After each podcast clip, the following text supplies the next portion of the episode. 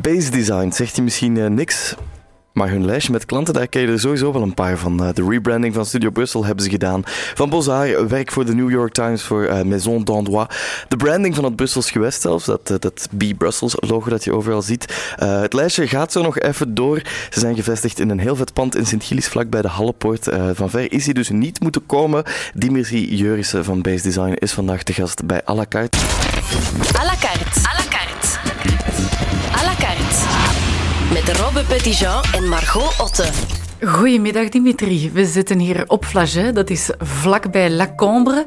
Een plek waar je nog wel eens langskomt. Ja, daar is alles ook begonnen.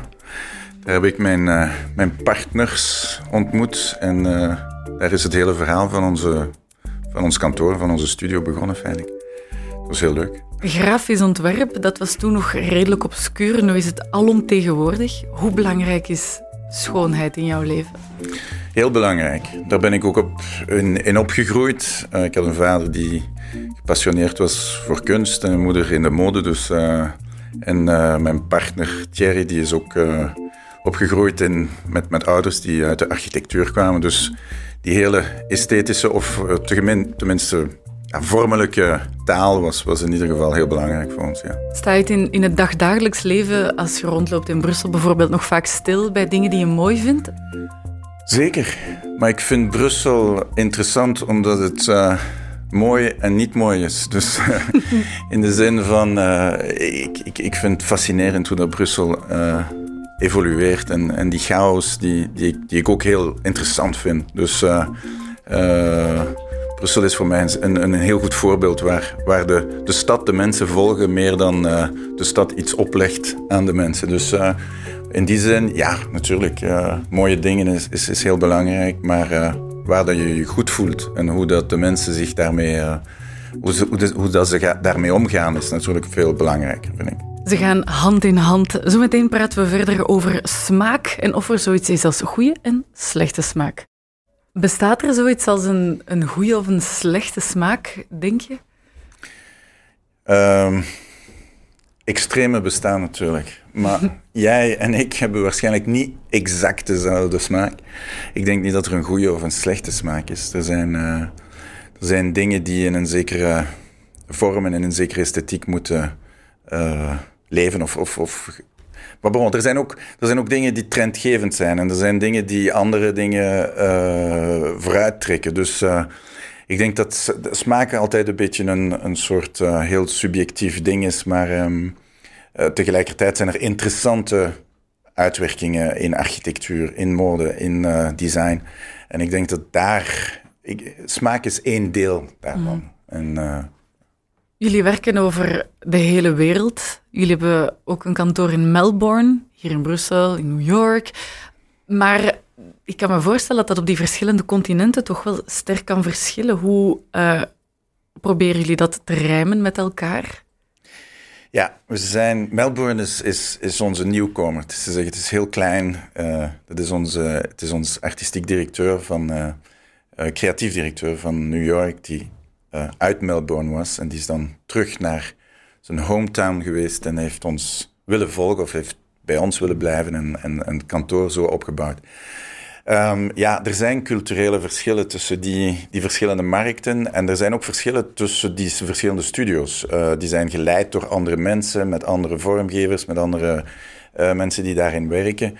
Um, dus um, die balans vinden tussen wat je oplegt als een soort algemeen, uh, een algemene filosofie of een algemene werkwijze, wat Base ook voor staat, is één ding. Anderzijds heb je verschillende uitwerkingen daarvan en uh, die zijn gelinkt aan die verschillende persoonlijkheden en mhm. aan die verschillende mensen die, die dat allemaal waarmaken.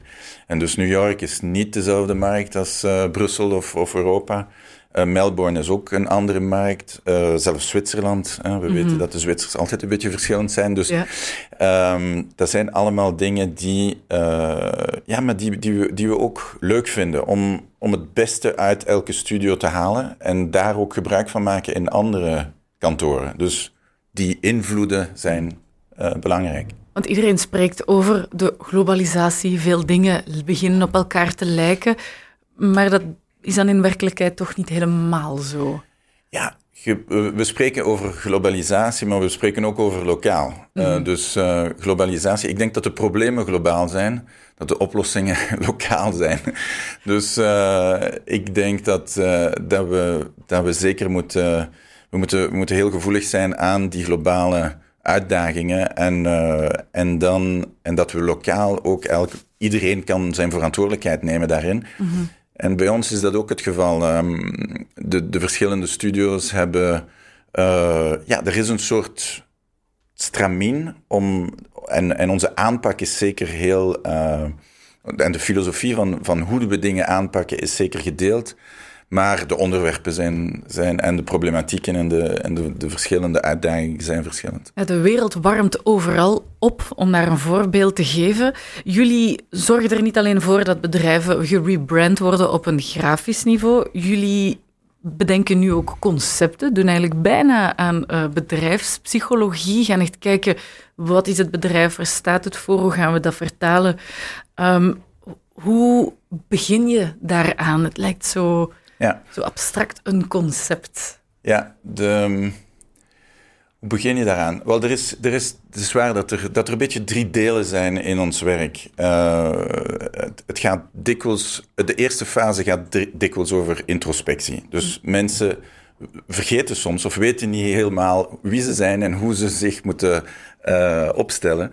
Dus we helpen feitelijk uh, bedrijven of, uh, of producten of instellingen goed een soort introspectie te doen om goed te beschrijven waar het over gaat. Als je goed kunt communiceren wie je bent, dan weet je al goed wie je bent, zou ik mhm. zeggen. Dus, dus het is een beetje die oefening om een soort um, verbaal merk uit te werken. En, en dat wordt dan ook uitgeschreven en dat wordt dan ook gedeeld intern met die, die klant of met die, uh, met die projecten.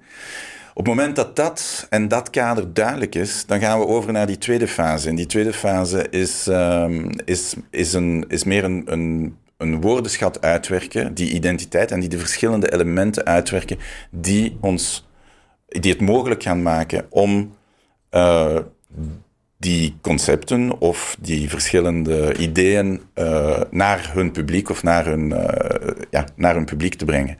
Dus dat is een beetje die expressie. En dan de, de, derde fase is meer het uitwerken van de tools zelf.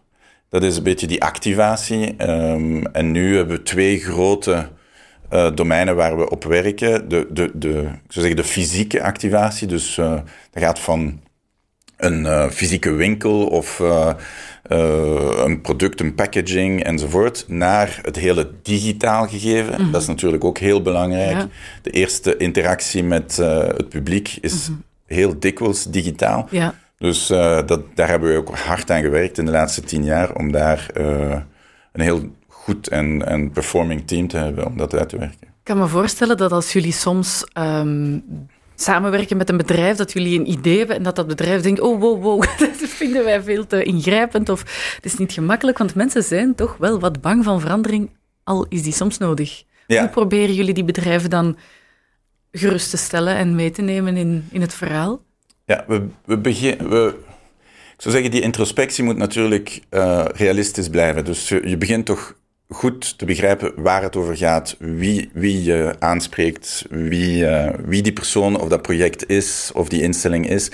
En je probeert dat zo, zo realistisch mogelijk um, uit te drukken. Maar ik zou zeggen, ja, we proberen altijd dingen te pushen, want we zijn zelf ondernemers. Dus we zijn, um, we, dat, dat, maakt het ook heel fascinerend in, on, in onze job, is dat elk project bijna een, een, een heel eigen project wordt. Mm -hmm. uh, een van mijn medewerkers zei uh, op een dag, ja, als ik de verantwoordelijkheid neem van dat project, dan wil ik dat ook zo ver mogelijk brengen. Dus ja. is, er is een soort verantwoordelijkheid die die samenwerking en die uh, moet, moet uh, uitdrukken. En dat werkt aanstekelijk.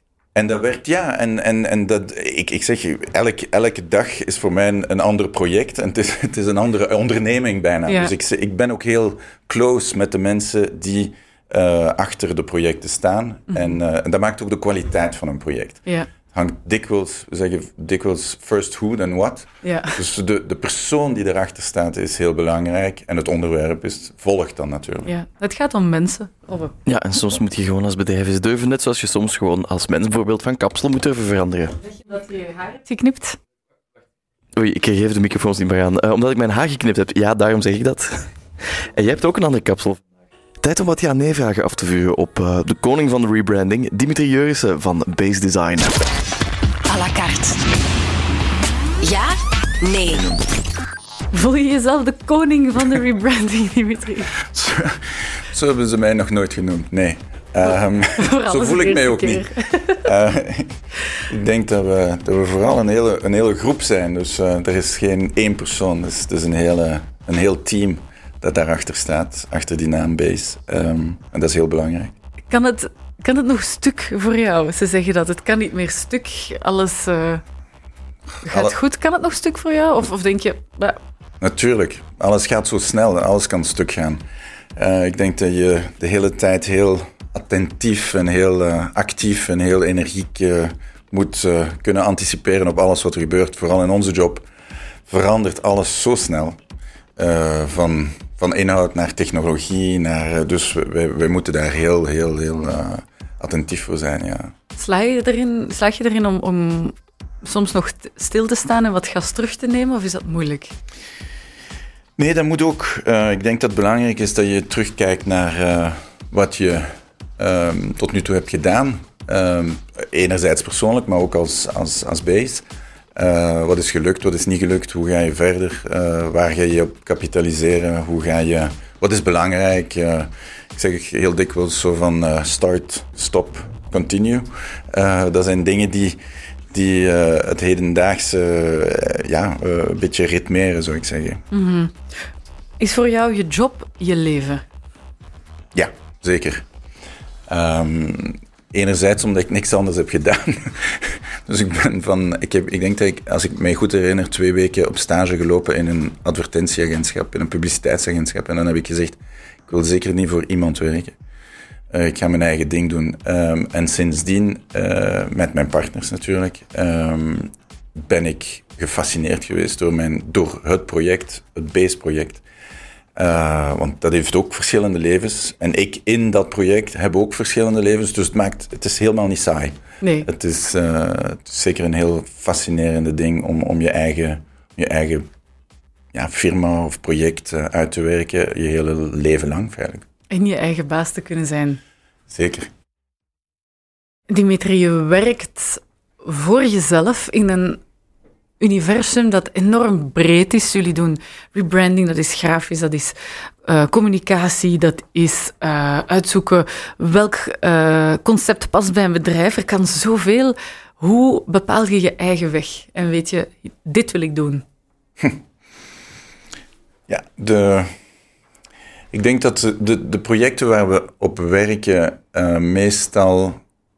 Ze komen ook naar ons toe eh, omdat ze aangetrokken zijn door onze aanpak of, of de uitstraling die we hebben. En de goede projecten zijn meestal de projecten waar, ehm, waar een cultural, cultural, een cultuurfit is. Ehm, waar je me- met mensen werkt die begrijpen wat je doet en, eh, en waar jij ook goed begrijpt wat zij, waar zij mee bezig zijn. Eh, Was dat hoe- voor jou altijd duidelijk van... Dit... Helemaal niet. Nee. dat is een weg. Het is te zeggen, ja, dat is zeker een weg. En voor iedereen is het een weg. Dus eh, als, je- als je begint, begin je met heel veel energie. Eh, je weet niet goed waar je mee bezig bent. Je doet van alles. En zo zijn wij ook begonnen. Ehm, op een zeker moment zeg je, ah, waarom niet New York? En je beslist dat over een pils met twee mensen. En je zegt, oké, we gaan een, een kantoor openen in New York. Dus daar is geen businessplan. Daar is geen... eh, er is zelfs geen visie op dat moment. Maar dat creëert of dat, dat bouwt toch een hele cultuur op en een hele ondernemingscultuur, een heel, eh, een heel ADN. eh, en, en dat is, eh, dat is natuurlijk belangrijk dat op een zeker moment dat je daarop gaat kapitaliseren om verder te, te werken. En het is daarom dat we dan ook 25 jaar aan een stuk doorwerken. Dus je gaat van energie naar uitbreiding, naar dan op een zeker moment zeggen: Oké, wat is dit nu? En hoe kan ik dat ehm, ja, perenniseren. Ik weet niet hoe hoe dat zegt. eh, Hoe het verder gaat. ja, hoe gaat het verder? En, en dat, dat is ook een van onze grote doelen, Thierry en ik, dat, dat, eh, dat de naambase kan verder gaan, zelfs zonder ons daarna. Weet je al waar je naartoe wil of wat what's next nu? Jullie hebben het helemaal opgebouwd. Je hebt van alles gedaan. Ja. Nu ben je een van de Partners, ja. partners, hè, zeggen jullie. Wat nu? Er is, er is constant werk. Eh, er zijn mensen die. eh, dus de, de projecten begin, komen nog altijd binnen. Of eh, we gaan nog altijd op zoek naar interessante samenwerkingen. Dat is, dat is de, de core, zou ik zeggen, van, van waar we mee bezig zijn. Als, als onderneming zelf eh, zijn zowel Thierry als ik. Zeker bezig met die delegatie, met het, het soort hoe, hoe, hoe gaan we dat nu eh, aan, aan de anderen en aan ons team eh, overgeven. En, ehm, en daar is eh, opvoeding bijvoorbeeld een van de dingen die heel belangrijk is. We hebben altijd gedroomd van, van, een, van een soort school op te bouwen. Dat kan misschien een, een project worden. Ehm, we, hebben ook, we dromen nog altijd van andere dingen, misschien andere locaties voor, voor studios uit te bouwen. Ja, er zijn verschillende, ik zou zeggen, verschillende projecten die het, die het, heel, het geheel kunnen, kunnen uitbreiden. Kan je makkelijk delegeren of heb je dat moeten leren? Ik heb dat moeten leren. ik heb dat moeten leren eh, in de zin van... eh, in het begin doe je projecten je- en, je, en, en je moet die controle dan ook hebben. Eh, dus, dat, is, dat, is, dat is heel typisch aan, aan het, het werk van een art director. Is, die brengt mensen, maar die moet constant het ding leiden. En, en ik was daar ook mee bezig. En ik heb zeker jaren, en vooral in het begin van, van eh, base design... ehm, de dingen geleid en, en, en, eh, en ja, zeer, zeer persoonlijk de, die dingen geleid. Maar op een zeker moment wordt dat, ik ga niet zeggen te groot, maar groter en met andere medewerkers, met andere inputs, met andere kwaliteiten en, en talent. En dan wordt het heel belangrijk dat je dat inziet en dat je dingen delegeert. Ik heb, kan zeggen, sinds het begin ook dingen gedelegeerd, want ik zag dat bepaalde mensen dingen beter deden dan ik. Dus dat was ook belangrijk. Dat kan om- je wel Ja, ja. zeggen van oké, die kan dat echt wel beter. Zeker. En ehm, Niet En dan- evident, denk ik, voor iedereen hoor, om het eh, te kunnen. nee, maar dat, dat, dat is ook typisch aan ons, aan ons werk, is dat we verschillende expertises en talent nodig hebben.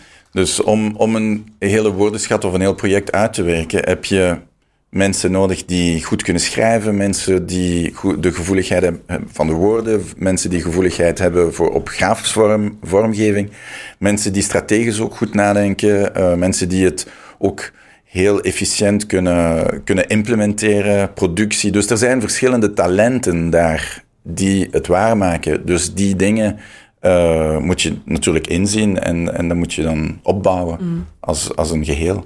Meer dan genoeg vakken, denk ik, om te geven op een Base Academy. Als ik jou hier die skills voor opsommen. Ja, en delegeren is belangrijk, zoals de grote Guido Pallemans uit het eiland ooit zei.